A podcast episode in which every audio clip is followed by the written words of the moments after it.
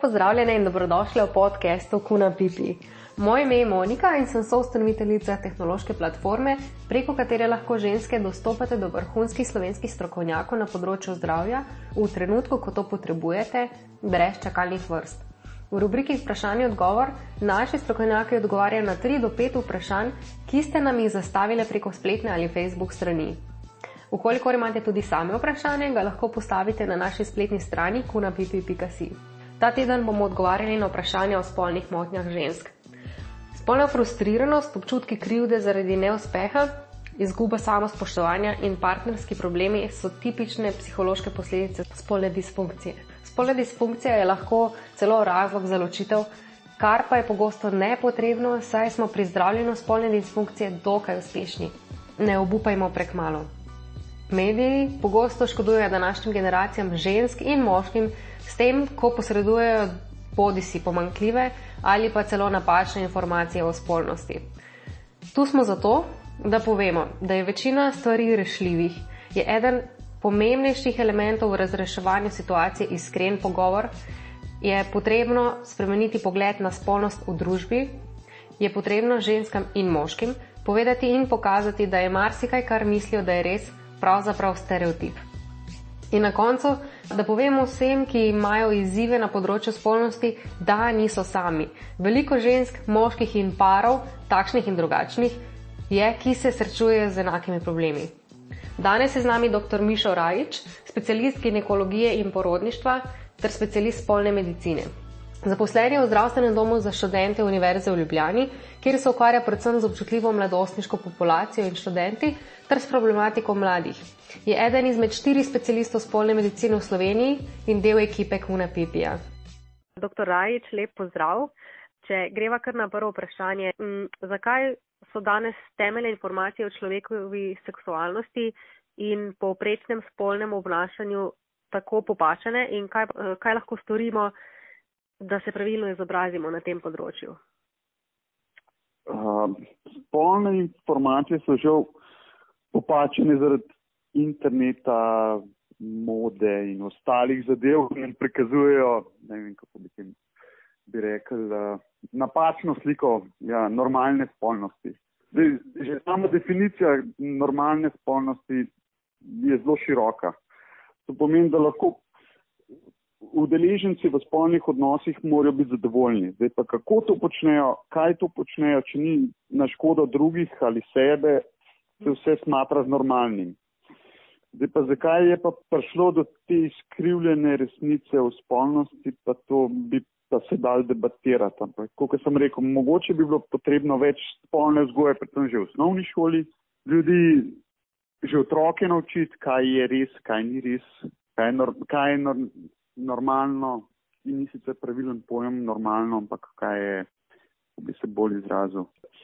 Težko je zdaj reči, kaj vse je normalno, ker se vedno več zadev postaja recimo temu spet normalnih, tako kot je bila včasih homoseksualnost nenormalna, se zdaj vedno več novih zadev se reče, da je normalnih, ampak osnovno pravilo pa je, da morajo biti vsi zadovoljni, pa da se nobenemu od udeležencev ne škodi. Se pravi, čim manj tabujo, ne, kar se tiče na temi doma, de, v šoli. Tako, čim manj tabujo, pa odprto govoriti o spolnosti. Hmm. Predvsem tudi starši imajo, ne poleg šole, seveda, starši velik vpliv, da otrokom odprto povejo. Čeprav se otroci še ne predstavljajo točno kaj pa kako, ampak dost stvari pa razumejo, tako da jim je treba povedati, da niso čebelce, pa štorkle, pa ostale zadeve, ampak da se imajo ati pa mami rada, da, da spolnost je del normalnega um, obnašanja staršev, da to ni tabu skrivanje in take zadeve. Tako da družina ima definitivno tudi zelo velik vpliv na to. Um, zdaj me pa zanima, če gremo prav konkretno na ženske. A je nujno, dosti se govori, da imajo ženske težave pri doživljenju orgazma. Doživeti orgazem strani ženske nujno potreben, da govorimo o kvalitetnem spolnem odnosu? Sigurno ne. Odgovor je ne. Tako kot sem že prej rekel, važno je zadovoljstvo pri spolnih odnosih. Torej, pri spolnih odnosih ni bistvo niti orgazem, niti recimo pri uh, heteroseksualnih spolnih odnosih, tudi ni penetracija nožnice važno je, da sta oba udeleženca zadovoljna. Tako da tudi poljubljanje in ostale oblike spolnosti so vse primerne, če sta oba zadovoljna. Da, prima, mogoče se sodobno preveč daje podark na tem orgazmu pri ženskah. Ženske morajo biti zadovoljne in ženske so velikrat zadovoljne, tudi če nis, ne doživijo orgazma. Spolnost je veliko več, kot samo doživljanje orgazma. Je povezovanje, je, kako bi rekel, vzdrževanje zveze in ostalih zadev. Tako da sigurno ni orgazem bistvo spolnega odnosa. Še vedno pogosto slišimo izraz frigidnost. Je to zgrešen pojem, ne? Sigurno je to slabšalni pojem, predvsem za ženske.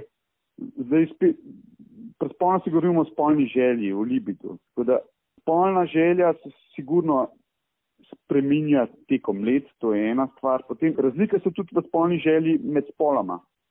Tako da, kot sem rekel, uh, uh, kako bi se izrazil pravilno, spolna želja se spreminja, ampak ni pomembno uh, količina, spo, mislim, kvantiteta spolnih odnosov, ampak zadovoljstvo, kdaj jih imamo, ko jih imamo, če smo zadovoljni s tem. Tako da ne moramo govoriti o konkretni številki, kolikrat na teden recimo je treba imeti spolne odnose, ampak mhm. tokrat, da sta oba udeleženca zadovoljna.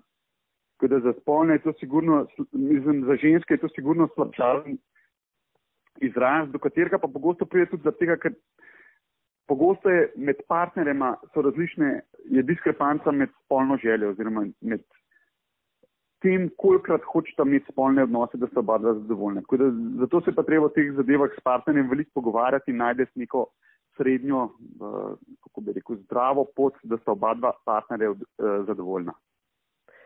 Kdaj pa ne ženska poišče pomoč? Ko pride do hujših težav, torej, ko to začne motiti normalno uh, življenje doma, pride zaradi tega do partnerskih težav ali drugih težav, potem pa sigurno je pri pomankanju spolne želje se svetuje obisk specialista ali spolne medicine, saj ginekologa za začetek pri ženski, če rečemo. Verjetno je ginekolog znal napotiti naprej, a ne usmeriti. Saj ginekolog bo osnove znal, potem pa naprej se napoti k specialistu spolne medicine. Najlepša hvala, da ste si vzeli čas. Postregli ste nam za... z odličnimi konkretnimi odgovori. Hvala lepa za vse. Vam, dragim poslušalkam, pa hvala za vašo pozornost. Ponovno se slišimo prihodnji teden, do takrat pa ne pozabite obiskati naše spletne strani kuna.bb.si, kjer lahko brezplačno vprašanje postavite tudi same ali se naročite na posvet.